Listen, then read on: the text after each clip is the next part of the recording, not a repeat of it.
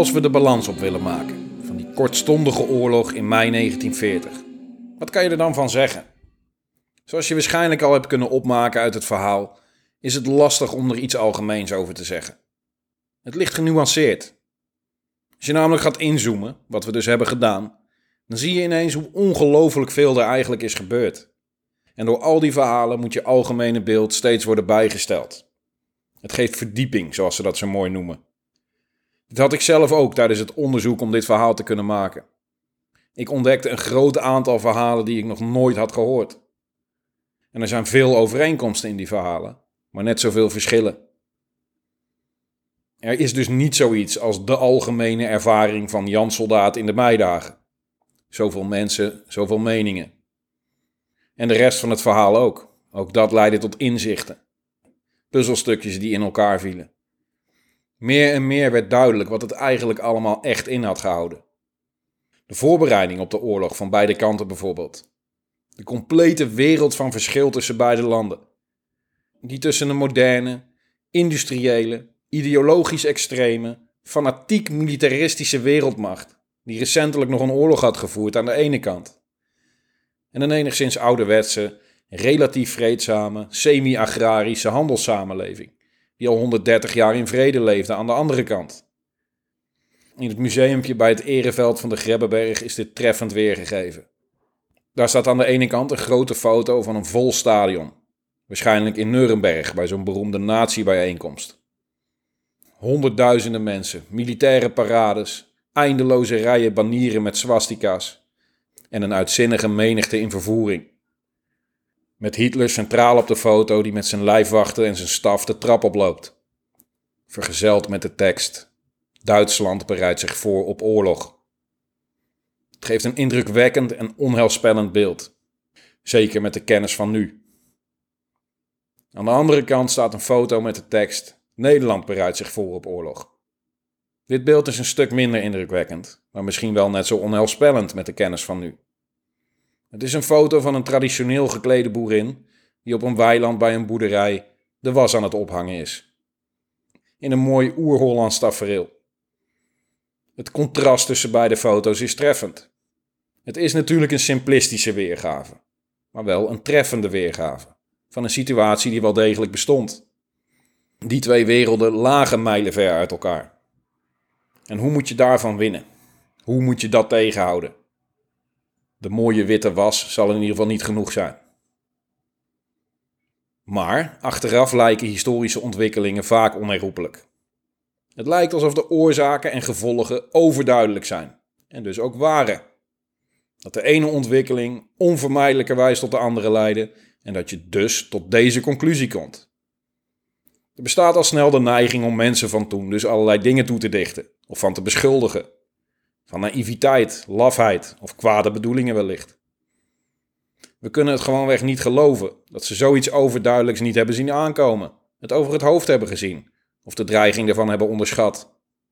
Omdat er voor ons dus geen twijfel meer over bestaat waar het allemaal toe heeft geleid. Het is een fout die we vaak maken als we de geschiedenis beschouwen. Want was het allemaal wel zo overduidelijk en onvermijdelijk voor een persoon uit die tijd? Dat hoeft helemaal niet zo te zijn geweest. Hoe de gemiddelde Nederlander de opkomst van het fascisme en de machtsovername van Hitler aanschouwde, is moeilijk te zeggen. Ik denk dat de situatie in Duitsland vanaf midden jaren 30 zeker met argusogen werd bekeken. Dat er een bepaald wantrouwen was en wellicht zorgen. Verder kan je het moeilijk achterhalen hoe de gemiddelde Nederlander ernaar keek. Achteraf zullen veel mensen hebben gezegd dat ze het van mijlenver hebben zien aankomen en dat ze het altijd al hadden gezegd. Maar toch kwam die Duitse aanval als een keiharde en onverwachte klap in het gezicht. En dat strookt niet met elkaar natuurlijk. Die Duitse aanval kwam namelijk niet uit de lucht vallen.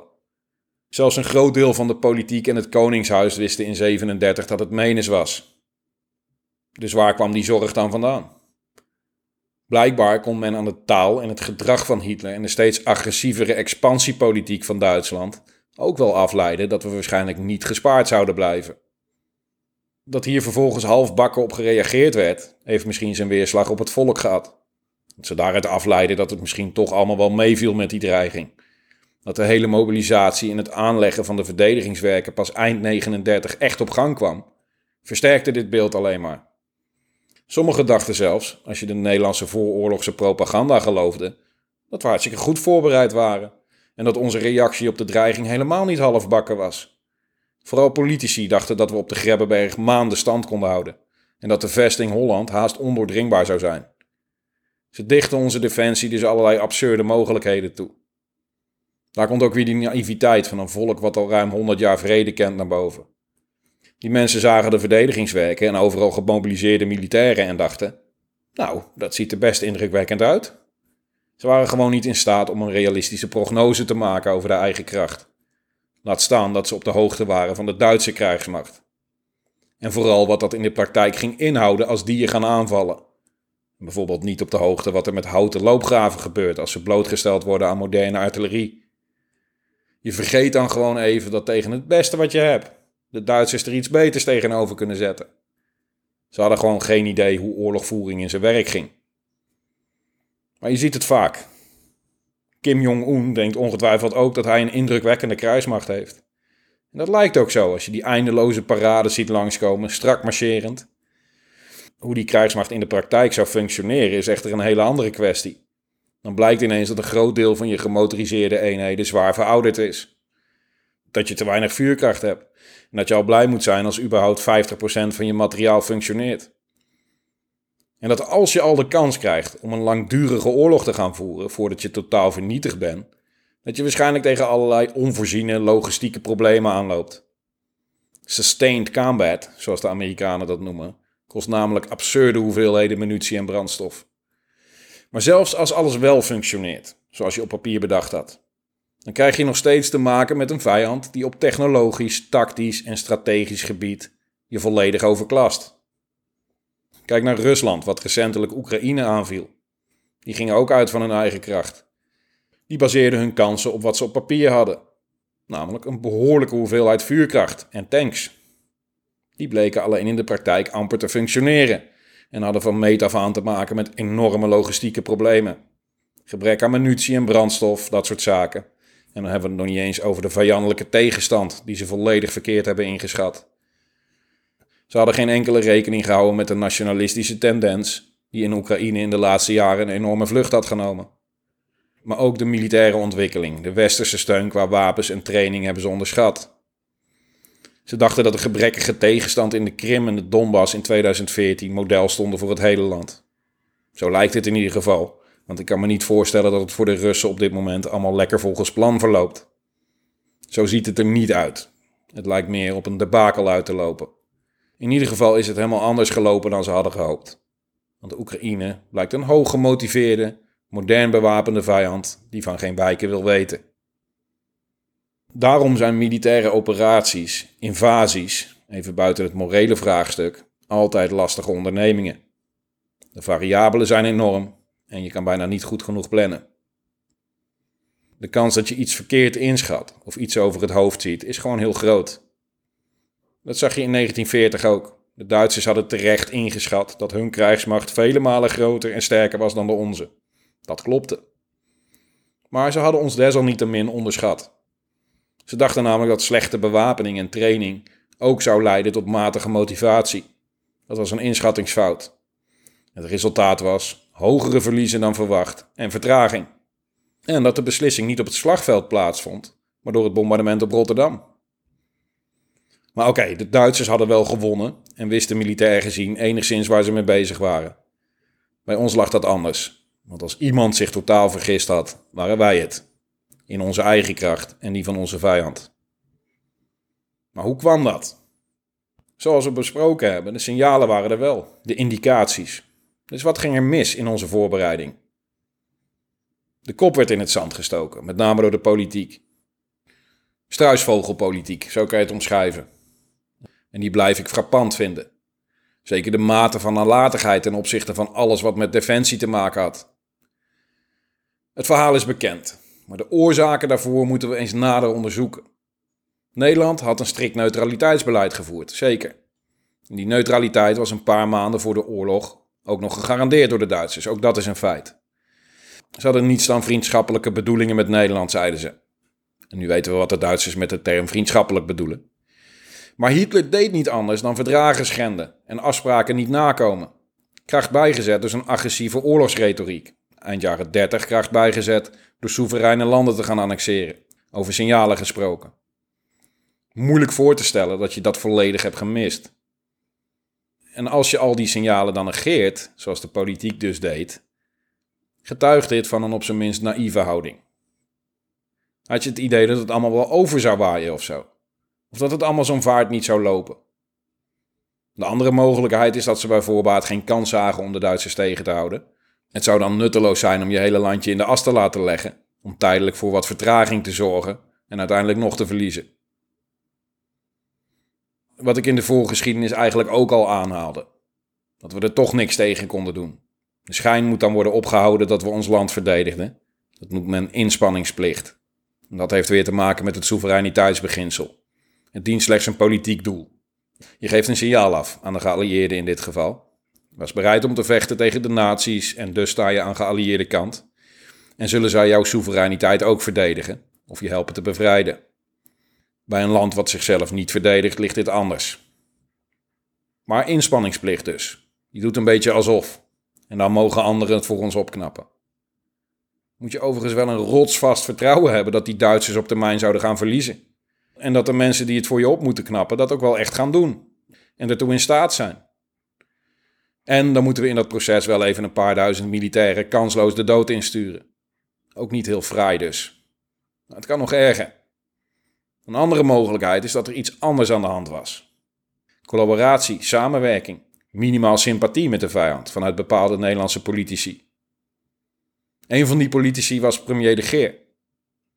Jonkheer de Geer was zijn titel. Hij was van adel. Zijn rol voor en tijdens de oorlog is op zijn minst dubieus geweest. Dat zal ik even toelichten. In de jaren voor de oorlog heeft hij stelselmatig elke verbetering van de krijgsmacht tegengehouden. Dan heb ik het niet over signalen negeren, maar actief tegenwerken. Het saboteren van elke vorm van effectieve verdediging.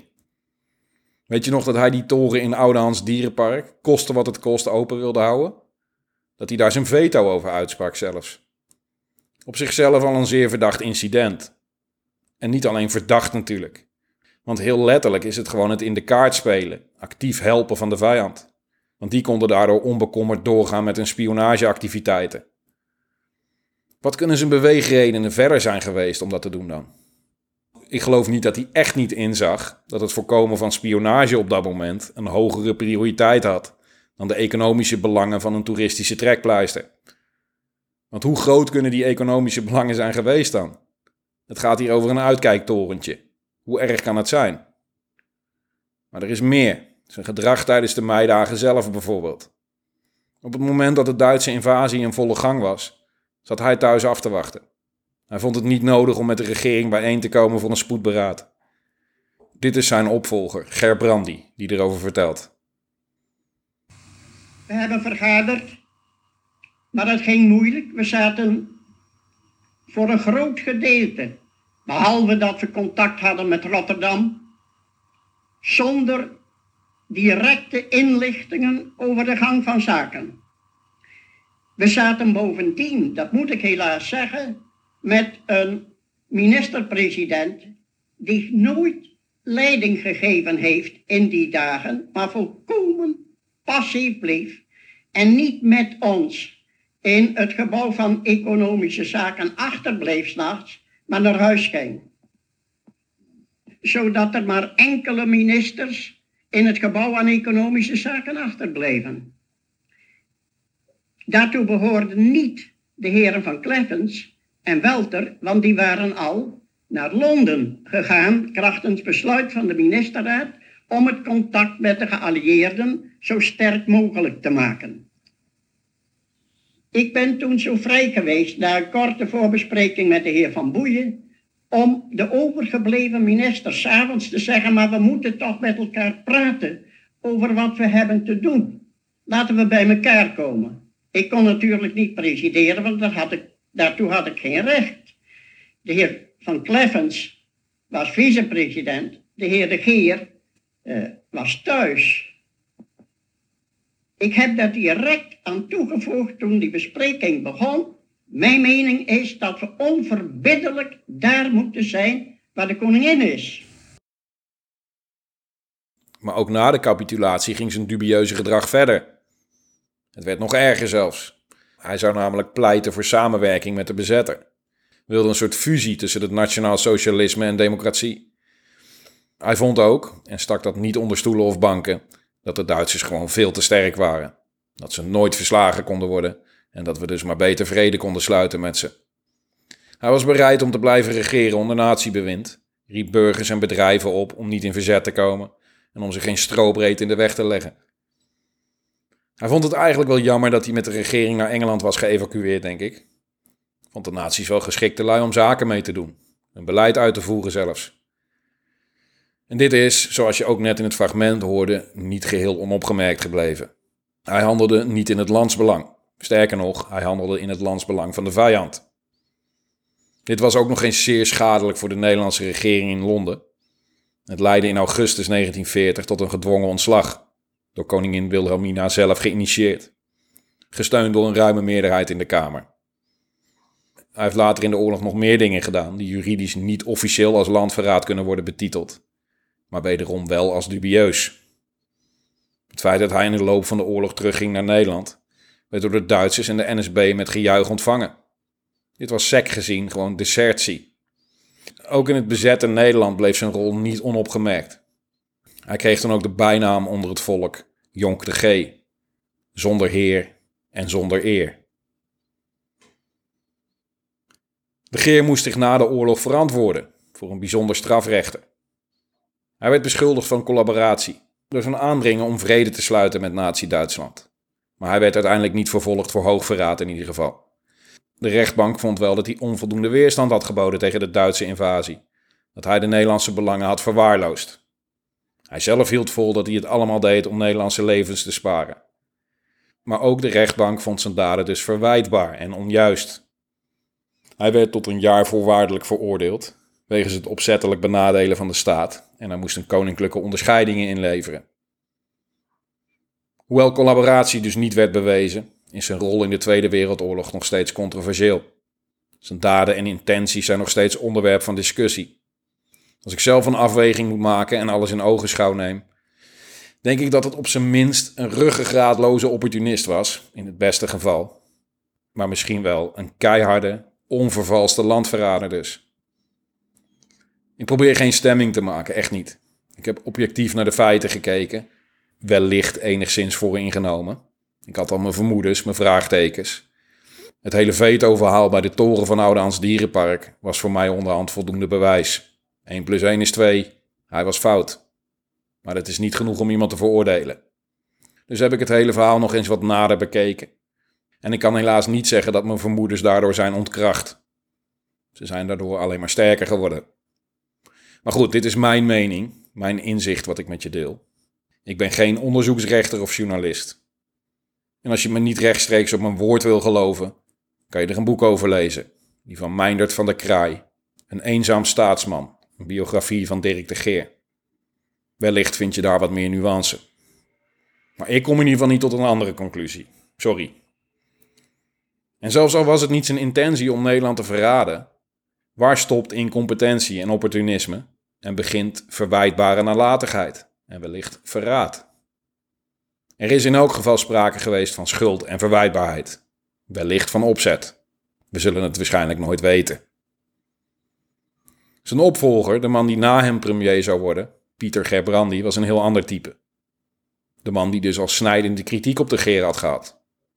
Volgens Van der Kraai was Gerbrandi gewoon uit op zijn baan en heeft hem daarom zwart gemaakt en na de oorlog er alles aan gedaan om de Geer veroordeeld te krijgen.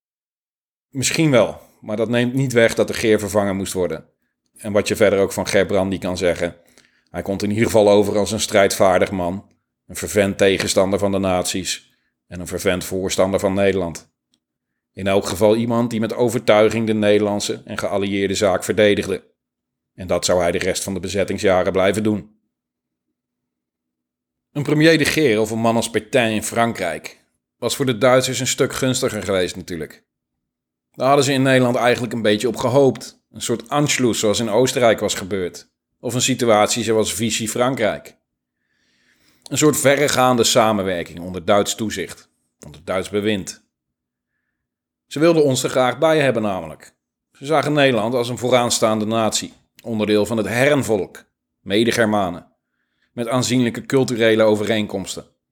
Daarbij zijn Nederlanders het langste volk van de wereld, vaak blond en Arisch, dus uitermate geschikt voor diensten in bijvoorbeeld de Waffen-SS, vonden ze. In eerste instantie gedroegen de Duitsers zich dan ook in Nederland vrij coulant, om sympathie te winnen. Na de kortstondige vijandelijkheden van de meidagen kunnen we dat nu achter ons laten en de strijdbel begraven, vonden ze. Laten we samen een prachtige toekomst tegemoet gaan, vol verovering, onderdrukking, repressie, rassenhaat, collectieve straffen en massamoord. Wat wil je nog meer? Ja, zo letterlijk werd het uiteraard niet gebracht door de Duitse propaganda, maar dat is wel waar het op neerkwam natuurlijk. Die propaganda werkte op volle toeren en veel Nederlanders waren er vatbaar voor. Veel mensen zijn daar vatbaar voor, moet ik zeggen. Al voor de oorlog waren er overal in Europa nationaal-socialistische partijen opgericht. In Nederland was dat de NSB, een antidemocratische, fascistische beweging, fors nationalistisch en militaristisch van aard, en werd daarom nooit heel groot in Nederland. De NSB zag Duitsland als de meest vooraanstaande natie op aarde. Zij moesten het voortouw gaan nemen in de strijd tegen de Bolsjewieken, de communisten, het rode gevaar. Wij zouden volgen. De fascistische retoriek van antisemitische en pseudo-wetenschappelijke rassentheorieën sloeg aan bij tienduizenden Nederlanders. Zoals ook in de huidige tijd mensen daar vatbaar voor zijn. Want ook nu zijn mensen vatbaar voor populisme en pseudowetenschap. Of zelfs tegen wetenschap in het algemeen. Voor complotten, onderbuikgevoelens, angst en haat. Een diep geworteld en onredelijk wantrouwen. Frustratie over alles wat in hun ogen niet klopt.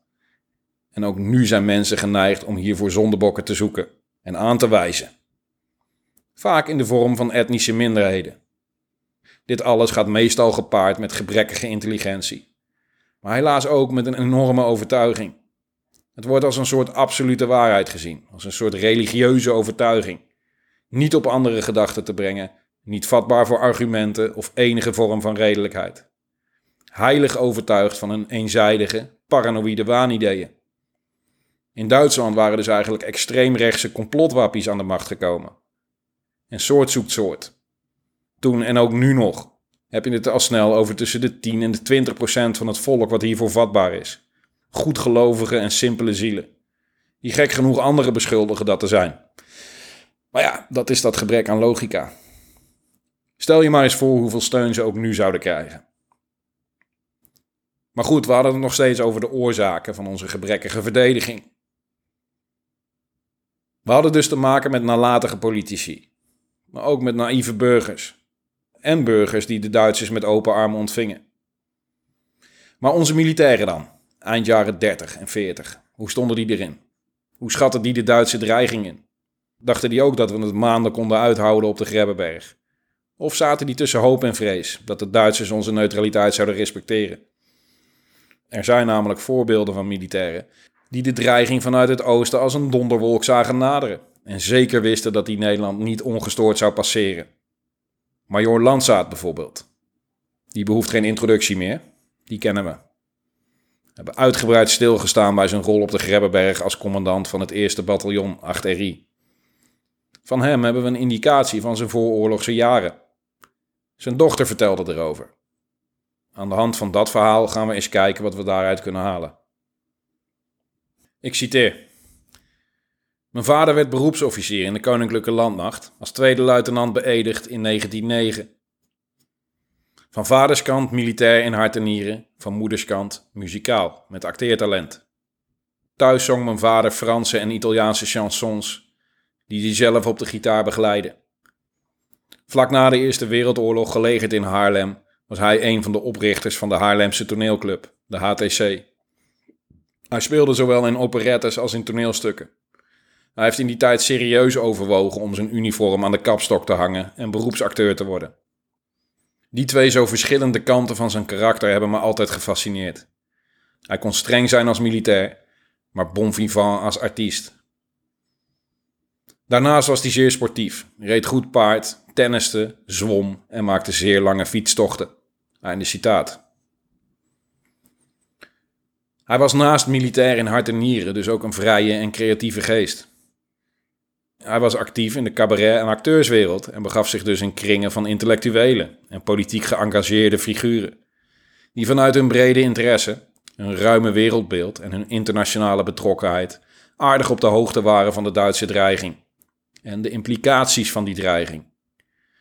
Want wat zou dat gaan betekenen voor de vrijheid van Duitsland, die van Nederland, die van Europa en misschien wel van de wereld? Niet veel goeds. Zoveel was duidelijk. In elk geval binnen deze kringen. Want Landzaat wist het zeker. Ik citeer. Het was 1938. Op een avond luisterden we naar een speech die Hitler ergens in Berlijn hield. Het was kennelijk een belangrijk evenement, want het werd live door Radio Hilversum uitgezonden. Maar het gebral en vooral het massale Sieg vond ik beklemmend en vergeet ik nooit. Na afloop was het even stil en toen zei mijn vader: Ik ben ervan overtuigd dat er een Tweede Wereldoorlog komt binnenkort. En deze keer zal het niet aan Nederland voorbij gaan. Einde citaat. Hij hamerde er ook steeds op bij collega's. Ze noemden hem niet voor niets de ijzervreter, iemand die het uiterste van zijn mensen eiste, een echte officier. Hij was voor dienstplichtige soldaten en mensen in zijn directe omgeving vaak wat zwaar op de hand. Landsaat werd gezien als een militaire hardliner, een alarmist, een doemdenker, een vreemde eend in de bijt, in een samenleving die daar wars van was. En liever collectief de kop in het zand stak. Maar Landsaat kreeg gelijk. Hij schatte de Nederlandse kansen niet hoog in. Hij had zich vooraf meerdere malen daarover uitgesproken. Over de kans die onze krijgsmacht zou maken. En de kans dat hij het niet zou overleven. En die kans achter die hoog. Dit ging het gevecht van zijn leven worden, wist hij. Sterven of overwinnen. Hij was dus van tevoren al vast besloten om zich hieraan te gaan houden. Hij zag dit als een taak. Je bent er als officier voor om de oorlog te winnen voor je land, dan wel te sneuvelen tijdens je poging. Zoals een kapitein op een schip. Die brengt zijn schip veilig naar de haven en zo niet, gaat hij ten onder. Landsaat besloot dat hij aan zijn taak de uiterste conclusie moest verbinden. En dit is hoe zijn dochter het omschreef. Ik citeer. Mijn vader was, zoals ik al eerder heb gezegd, een militair in hart en nieren. Bij de benoeming legt een officier ten overstaan van zijn commandant en het regiment de volgende eed af, met zijn hand op het vaandel van zijn regiment. Ik zweer trouw aan de koningin, gehoorzaamheid aan de wetten en onderwerping van de krijgstucht. Zo waarlijk helpen mij God Almachtig. Hij wordt daarbij gewezen op de enorme betekenis van deze eed en de mogelijke consequenties ervan. Mijn vader heeft in mij deze consequenties koel onder ogen gezien en aanvaard, zoals ik ook niet anders van hem had verwacht. Einde citaat. Zoals ik heb verteld in het verhaal over de Grebbeberg, zou hij zijn commandopost tot de laatste kogel en de laatste man blijven verdedigen. Hij zelf zou die laatste man worden, met een man of 17 in het paviljoen, een paar officieren en een paar onderofficieren en manschappen. Hoopte hij echt op Engelse en Franse steun? Op de grote tegenaanval, op de versterking? Of wist hij in zijn achterhoofd ook dat dit niet meer ging gebeuren? De verdedigers daar werden ondergedompeld in een orgie van geweld. Hij vroeg het uiterste van zijn mannen en dreef ze tot het uiterste. En hij inspireerde ze. Toen uiteindelijk de munitie opraakte, had hij zijn mannen de opdracht gegeven om te ontsnappen. En dat had hij zelf dus ook kunnen doen, maar dat deed hij niet. Waarom? Hij had zichzelf in veiligheid kunnen brengen, maar hij besloot het paviljoen te verlaten en vurend richting de vijand te gaan. Was dat puur om de aftocht te dekken? Om zich op te offeren voor de veiligheid van zijn mensen? Of was hij vastbesloten om daar zijn leven te laten? Was het die kapitein die ten onder ging met zijn schip? Was het puur plichtsbesef? Zoals zijn dochter omschreef, de kalme acceptatie van de eet die hij had gezworen. Een man een man, een woord een woord. Of was er ook een ideologische beweegreden? Dat hij zich bewust was van het kwaad wat Duitsland bracht en dat hij als een soort martelaar van de vrijheid ten onder wilde gaan? Of was het zijn achtergrond als acteur en zijn gevoel voor drama en romantiek? Was dit zijn laatste acte? Het epische sluitstuk van zijn verhaal van glorie en opoffering, waarin hij de hoofdrol vertolkte? Of was het een combinatie van al die dingen? Onbaatzuchtige opoffering. Het is fascinerend en moeilijk te doorgronden. Want wat het ook was, je kan er eigenlijk alleen maar een diepe buiging voor maken. En laten we dat dan ook vooral doen. En doen we dat wel genoeg? Maken we wel eens een diepe buiging of een kleine buiging? Herdenken we dit soort mensen? En zo ja, doen we dat genoeg? Is Major Landsaat een nationale held? Is het een nationale bekendheid in ieder geval? Een held is die in mijn ogen zeker, maar een bekendheid niet eens. Kende jij hem al voordat je dit verhaal luisterde? En bij hoeveel mensen doet de naam een belletje rinkelen als je hem noemt? Klopt, ik had hetzelfde. Het is een obscure naam, gereserveerd voor een klein groepje insiders en geïnteresseerden. Niet iets wat je op school krijgt, waar een film over is gemaakt of een boek over is geschreven.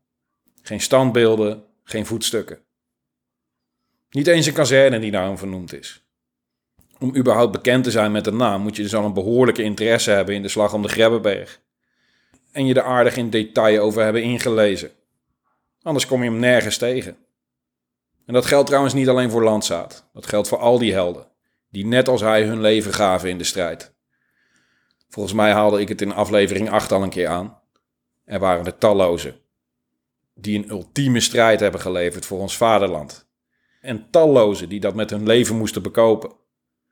En al was het er één, één enkele, dan zou die in menig land al op een voetstuk worden gezet en vereerd als een nationale held. En wij? We halen onze schouders op. Wie zei je? Nee, die ken ik niet. Lang geleden, ver van mijn bedshow, zeg me niets. En wat maakt het uit? We hebben toch verloren. Waarom zou je dat überhaupt doen? Lijkt me onverstandig. Ik was er al lang vandoor gegaan, dat verhaal. Ik begrijp het niet, dus erken ik het niet. Of ik bagatelliseer het. Is dat onze Calvinistische achtergrond? Doe maar gewoon, dan doe je al gek genoeg. Gelijke monniken, gelijke kappen.